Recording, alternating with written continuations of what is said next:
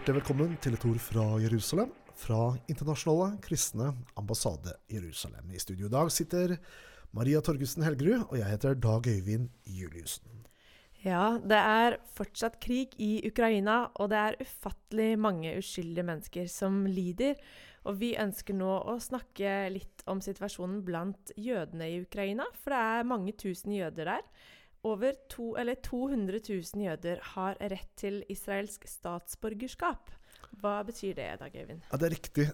I Israel så har man en lov som heter Law of Return, som altså handler om loven for jøder som immigrerer til Israel, som gir dem da mm, automatisk rett til statsborgerskap i landet. Det er på en måte hele grunnpilaren for Israels opprettelse og eksistens. Eh, nemlig at det skal være et trygt sted for det jødiske folket. Og den eh, er det altså, som du sier, 200 000 jøder i Ukraina som, eh, som sorterer under. Så i Israel nå så er det ulike estimater på hvor mange jøder som kommer til å immigrere fra Ukraina, og også faktisk fra Russland. Litt avhengig av hvordan krigen utvikler seg framover.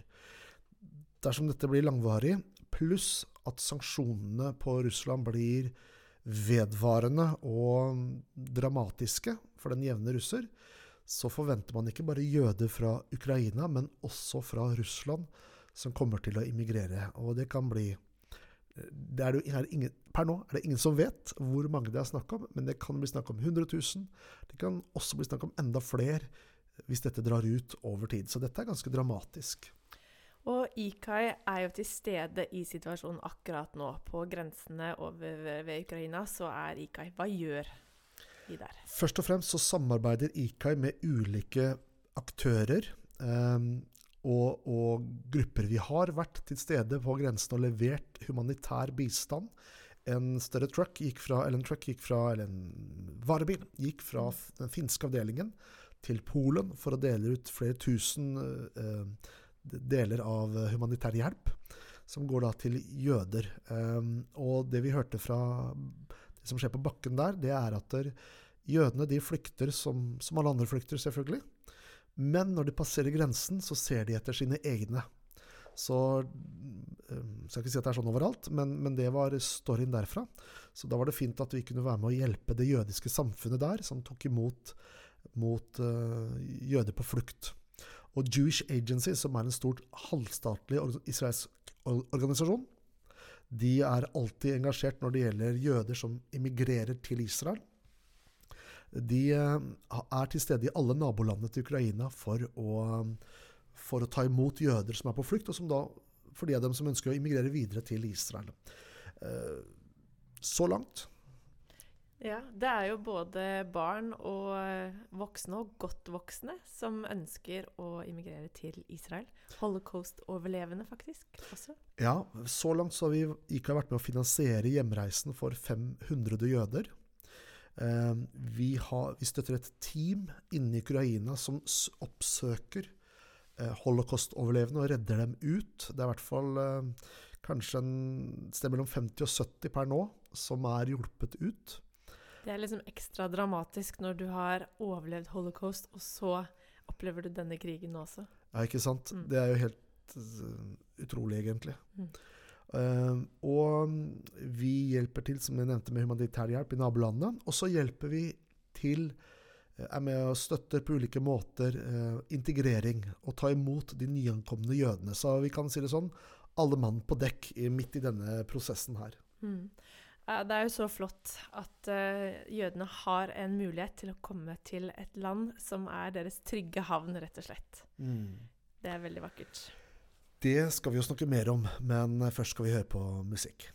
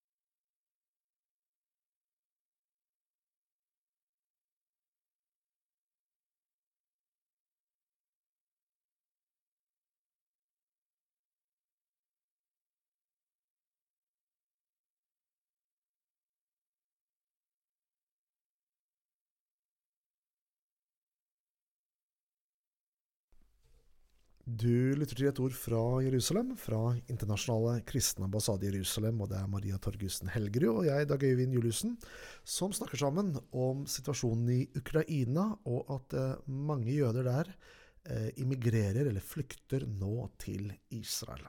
Og Før musikken her så snakket vi også om at Israel er en trygg havn for det jødiske folket. Og når det internasjonale samfunnet når Folkeforbundet i kjølvannet av første verdenskrig vedtok eh, at Israel skulle opprettes som et jødisk hjemland, og det ble bindende internasjonal lov, dette landområdet som i dag har kontroll over, at dette skulle bli et hjemland for det jødiske folk, så var nettopp det noe av drivkraften, at man erfarte at jøder har alltid vært på flukt opp gjennom historien, alltid blitt forfulgt, så de behøver å få tilbake det landet de en gang eh, hadde. Ja, og jeg sitter med en tanke i om at uh, det var ønsket at de skulle få landet sitt etter første verdenskrig. Hva hadde mm. skjedd hvis de faktisk fikk det? Hva, hvordan hadde det sett ut i dag dersom de kanskje ble skånet og reddet fra hele andre verdenskrig, men hadde Israel å dra til da? Ja, det er et alvorlig spørsmål. Virkelig. Ja. Um, nå er det jo sånn at mange av de som immigrerer um, det, er, det er mange som immigrerer. Her i 2020 under koronaåret så kom det jøder fra 70 nasjoner tilbake til Israel. Men det er jo ikke bare å sette seg på et fly, og så er man plutselig eh, statsborger i et nytt land. Nei, det er jo en jobb, må jeg se for meg. Jeg har jo ikke immigrert selv. Men eh, det er jo en ny kultur å lære seg, nytt språk. Og disse som er på flukt fra krig, de forlater jo det de eier og har i Ukraina. Og det ja, det er jo eh, overveldende å tenke, egentlig. Og det å komme til et nytt land, og da skal tilpasse seg det. Samtidig så er det et håp de har, hvor de kan få lov å, komme til Israel og være trygge. Og det er et godt apparat der også, som tar dem imot og hjelper dem med alt dette her. Du vet enda mer om det egentlig enn meg. Det er riktig. Eh, Israel eh, har et godt apparat, til tross for at det er et veldig lite land. Eh, mindre enn det som var Hedmark fylke i sin tid. Mm. Så er de i stand til å ta imot store bølger. Det så vi på 90-tallet. Mm. Da var det i løpet av en ca. tiårsperiode at nesten én million jøder immigrerte, eller reiste fra tidligere Sovjet, til Israel. Og det er nesten et mirakel for en nasjon på den størrelsen å kunne ta imot en sånn befolkningsvekst det var på den tiden som om hele Frankrikes befolkning skulle flytta til USA. Og da skulle integreres og få jobber, og sko, barna skulle på skole og videre utdanning for de voksne ungdommene osv. Mm. Det, det gjør seg ikke sjøl. Det er nesten et mirakel. Ja, virkelig. Og apropos mirakler. Vi leser jo i Bibelen. Og da kan vi jo lese litt fra Gamle Testamentet, fordi tydelig har Gud sin hånd over det jødiske folket helt fra deres opprettelse og også i dag. Og jeg kan lese fra 5. Mosebok kapittel 30. Det er jo skrevet før jødene har fått Israel og fått landet sitt. Der står det han skal igjen samle deg fra alle de folkene som Herren din Gud har spredd deg til. Og det ser vi jo faktisk i dag også. At Gud er med, og han samler dem, og han har et land for dem. I Amos kapittel 9, vers 14 og 15, så står det Jeg fører tilbake de bortførte fangene av mitt folk Israel. De skal bygge opp igjen de ødelagte byene og bosette seg der. De skal plante vingårder og drikke vinen fra dem. De skal anlegge hager og spise frukten fra dem. Jeg skal plante dem i deres land, og de skal aldri mer rykkes opp fra sitt land, det jeg har gitt dem, sier Herren din Gud. Ja, Det er fantastisk. Det er nesten litt sånn at man må klype seg i armen. Fordi det her ble jo forkynt. Det ble talt ut for 2500 år siden og enda lenger tilbake når vi går til Mosebøkene. Og i vår generasjon, ikke på 500-tallet etter Kristus, ikke på 1000-tallet, ikke 1500-tallet, men i vår generasjon, i vår tid, så er det akkurat dette som skjer, at jødene vender tilbake til landet sitt. Akkurat sånn som Bibelen skriver. og De skal gjenopprygge byene, og det er akkurat det som skjer. Det er litt fantastisk. Ja, det er det virkelig. Det er fint å være vitne til, eh, og at det er håp, og at det er et land for dem. Ikke sant. Og det er IKAI tungt involvert i, i forhold til å hjelpe jøder tilbake til landet. Siden rundt 1980 så har vi vært med å hjelpe ca. 165 000 jøder tilbake til landet.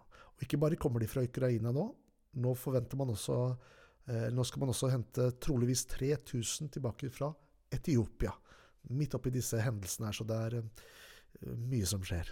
Ja, det er virkelig mye som skjer. Da har vi kommet til veis ende. Du har hørt på programmet Et ord fra Jerusalem fra Internasjonale kristne ambassade Jerusalem. Maria Torgussen Helgerud og jeg, Dag Øyvind Juliussen, takker for følget og ønsker deg alt godt og Guds gode, rike velsignelse.